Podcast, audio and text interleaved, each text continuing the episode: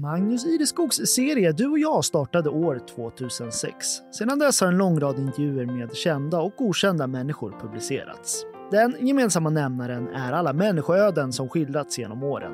Nu släpps intervjuerna även i poddformat, inlästa av Magnus Ireskog själv. Det här avsnittet handlar om sjukhuspastorn Anna Ljung, om att finnas som stöd i dödens närhet.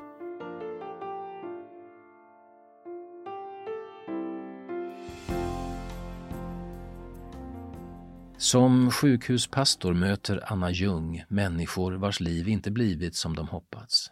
Existentiell ensamhet, bottenlös sorg. Det jag kan bidra med är tid, närvaro och att lyssna på de som vill prata, säger hon i den här intervjun från oktober 2021. Under coronaåren har döden förvandlats från något djupt mänskligt till ett sifferrace. Människor har alltid gått ur tiden. Det är förutsättning för livet. I Sverige avlider drygt 90 000 personer varje år. Men sällan förr har dödstalen varit så centrala som sedan våren 2020. Från dag till dag uppdaterade i staplar och diagram i media och i samtalen över fikaborden. Ja, säger hon, Anna Ljung, där vi sitter i den lilla sjukhuskyrkan på Visby lasarett. Kanske gör siffror att vi håller distans till döden. Ja, kanske är det så. När varje enskild siffra i statistiken innebär en människa som insjuknat eller mist livet kan det vara svårt att hantera på annat sätt. Hon minns Anna, minns nyhetssändningarna som inleddes med stigande antal döda, sen börsen som föll och sen vädret med sina 14 grader och sol. Siffror, siffror, siffror, men alla med olika betydelse. För henne handlade det förstås om att ta sig bakom siffrorna om att se människan i sin djupaste sorg och förtvivlan, den vars liv snart är till ända, eller den anhörige som förlorat en livskamrat. Vi pratar om det i den här intervjun. Om att, som hon säger, jag hade nog inte kunnat leva just mitt liv om jag inte var pastor. Jag vill vara ödmjuk över att människor i förtroende vill dela sina svåraste stunder och ibland sin sista tid med mig. Det är fint, stort Anna är sedan 13 år, i oktober 21, sjukhuspastor på 25 procent. Hon skulle inte orka fler, säger hon. Allt det svarta tynger. Även om att vara till hjälp fyller henne med mening. Övrig tid, 75 procent, arbetar hon i Källvarkyrkan. Hon har det med sig från barndom och uppväxt i Visby innerstad, säger hon. Viljan och ansvaret att hjälpa och stödja människor som har det svårt. Ett hem fyllt av trygghet och kärlek. Två äldre bröder, en pappa var kirurg och en mamma som var lärare.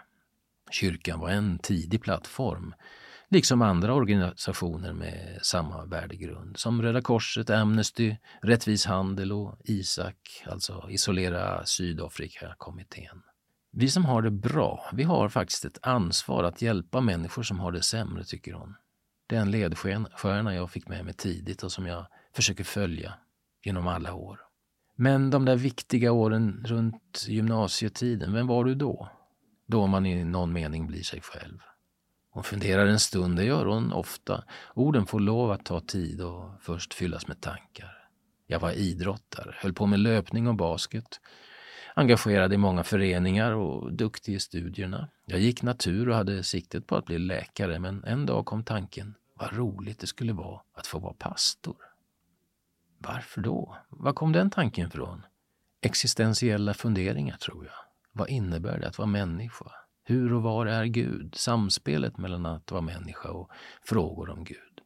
Hon berättar om en allvarlig ung tjej som bar en inre smärta över andras smärta. Såväl människor i hennes närhet som de långt bort. De hon såg och hörde om i nyhetssändningarna på tv. Så starkt kände hon det att hon var tvungen att ge sig ut i världen för att förstå mer om livet som människa här på jorden. Så blev det. Det är vistelser som lagt en grund i henne som hon står på idag. En trygghet och erfarenhet att bottna i. Vi ska till de där personliga mötena i dödens närhet, på Visby lasarett och i människors hem. Men först till USA, till Schweiz, Japan, Israel, Palestina, platser utomlands där hon bott och arbetat genom åren. Mest har kanske den första resan, den till New York och arbetet i Lutherska kyrkan direkt efter gymnasiet präglat henne. Jag jobbade på lägergårdar och retreatcentra, mötte storstadsbarn som aldrig varit i skogen, aldrig upplevt miljöer bortom stadsljuset, ibland rädda för våld. Att möta den rädslan när jag kom från min trygga uppväxt var omtumlande. Det blev sammanlagt nära fyra år i USA. Sen en sommar i Japan där hon arbetade med barn i ett samhälle med mycket press och ett språk hon inte förstod. Vilket givit en förståelse för det utanförskap många flyktingar upplever. På 90-talet hade hon en internationell tjänst baserad i schweiziska Genève där resor runt om i världen ingick. Internationella kyrkokonferenser, besök hos kyrkor och ungdomsrörelser som i en indonesisk bergsby, en by i norra Togo eller i latinamerikanska storstäder. Arbetet gav mig stor insikt i hur det är att vara kristen i olika kulturer och hur livet präglas av de sammanhang man lever i. Hur formar man sin tro och sitt sätt att leva utifrån det samhälle man bor i? Formats har hon också av arbetet i Betlehem vintern 06-07. Boende på av Israel ockuperad mark som en del i ett ekumeniskt följeslagarprogram. Smärtsam är orättvisan av att faktiskt ha en flygbiljett hem. Så här säger hon. Volontärer för kyrkan har ombetts närvara för att sen åka hem och berätta vad de sett och hört. Nyttigt, viktigt. Det kristna där är i absolut minoritet och lever i utsatt liv. Men att ha den där flygbiljetten hem medan de var tvungna att vara kvar, det gjorde ont. Nu ska vi tillbaks till nuet i den här intervjun. Sjukhuskyrkan i Visby, tisdag förmiddag, där ute över Östersjön ett regngrått dis. Anna har jour, när som helst kan telefonen ringa. En människa i existentiell kris kan behöva ett själavårdande samtal. En olycka kan kräva hennes närvaro. Någons liv kan sekundsnabbt ha slagits i spillror. Aldrig vet hon vad hon möter. Men ett vet hon, trots allt. Jag möter människor som alla har samma värde. Människor som vill bli sedda, lyssnade på och tagna på allvar, även om de kan uppfattas som besvärliga på ett eller annat sätt. Det är viktigt att ha som grund att de som kommer med sin oro ska bemötas med värdighet. När jag är efterfrågad är det för att gå in i någons kris. Jag har frågat vad hon möter med sin vita krage och jag sitter tyst och låter henne berätta. Hon gör det långsamt och länge berättar om den utbredda ensamheten i samhället och ångesten som många ridits av mitt i eller i slutet av livet, då sjukdom ätit sig in och döden närmar sig. Sorgen över att inte få se barnen ta studenten, kanske inte överleva julen. En del vill prata om annat, bara prata, och då gör de det. Jag häpnar ofta över det förtroende jag får, vanliga eller smärtsamma livsberättelser som bygger på något så enkelt som att ge rum för någon annan och verkligen orka lyssna. Och det gör du? Ja, säger hon.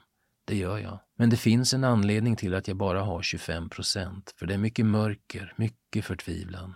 Det finns ju något fint i att få vara med människor i deras svåraste stunder. Hon nämner sina tre ledord. Tid, lyssnande och närvaro. Så enkelt egentligen, men en bristvara i ett allt mer slimmat samhälle. Jag har inget stetoskop, jag kan inte skriva ut några mediciner. Det jag har möjlighet att göra är att ge av min tid, verkligen lyssna och vara där för dem som vill.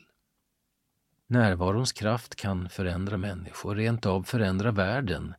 Hon tar ett exempel från vardagen. Att sitta med barnen och se en film, att följa med på träningen, närvaro som skapar trygga och sedda individer. Samma kraft känner jag i mitt arbete, hur närvaron kan hjälpa i de svåraste av stunder. Går det att lämna jobbet på jobbet om jag uttrycker mig så? Hon dricker av sitt te, ler och säger nej, nej, det går inte. Jobbet finns alltid med mig. Men jag har lärt mig att sortera inom mig själv och jag får också handledning. Utan det hade det aldrig gått. Och så gråter hon sin egen gråt, säger hon. Ibland i samvaro med den ångestridna människa hon möter, ibland efteråt, men även under den här intervjun. Vi pratar förstås inte om enskilda fall, men ibland kommer känslorna ändå så nära. Förlåt, säger hon och torkar sina tårar. För det handlar om att följa med in i människans allra djupaste mörker, Först där går det att riktigt hjälpa, då alla skygglappar och försvar är borta. att vara liksom naken i sorgen och ångesten. Hon berättar om en sorgegrupp hon leder för föräldrar som förlorat sina barn i suicid. Vi träffades igår och jag blev så tagen av all deras smärta. Den kostar på, denna smärta. Hon drar sig undan i familjens sommarhus på Faludden. Där ser hon det öppna landskapet och där borta havet. Ingenting som står i vägen för horisonten. Där kan hon tänka sina egna tankar och vistas i sig själv. Där på terrassen ger vilan henne ny kraft. För även om det tillhör jobbet som sjukhuspastor att vara ett stöd i andras mörker har inte heller hennes dagar alltid varit ljusa. Livet ger och livet tar. Så är det. En ett år äldre lekkamrat drunknade när Anna var fem år. En god tonårsvän dog i suicid. En skilsmässa slet sönder henne och i många år har hon lidit av magsmärtor. Men samtidigt vet hon att hon så här långt är förskonad från det allra värsta. Och där har vi det igen. Vi som har det bra har ett ansvar att hjälpa dem som har det sämre. Empati för andra är viktigt i samhället. Du har tystnadsplikt, Anna. Hur klarar du det? All denna tyngd, att inte komma hem och berätta. Ja, jag har byggt upp förmågan att bära berättelserna inom mig. Jag har lättare att bära än att berätta. Då skulle det aldrig ta slut. Jag varken vill eller får föra någonting vidare. I mars 2020 vändes världen upp och ner. Coronaviruset slog till och många avled till följd av covid-19. När den här intervjun har, görs har 53 personer på Gotland dött med sjukdomen. Omkring 1500 har smittats. Siffror där igen. Jag frågar hur det påverkat det Anna möter i sitt arbete. Hon säger att det blev svårt att ta in hur ett virus som drabbar hela världen också välter världen för den lilla lokala människan.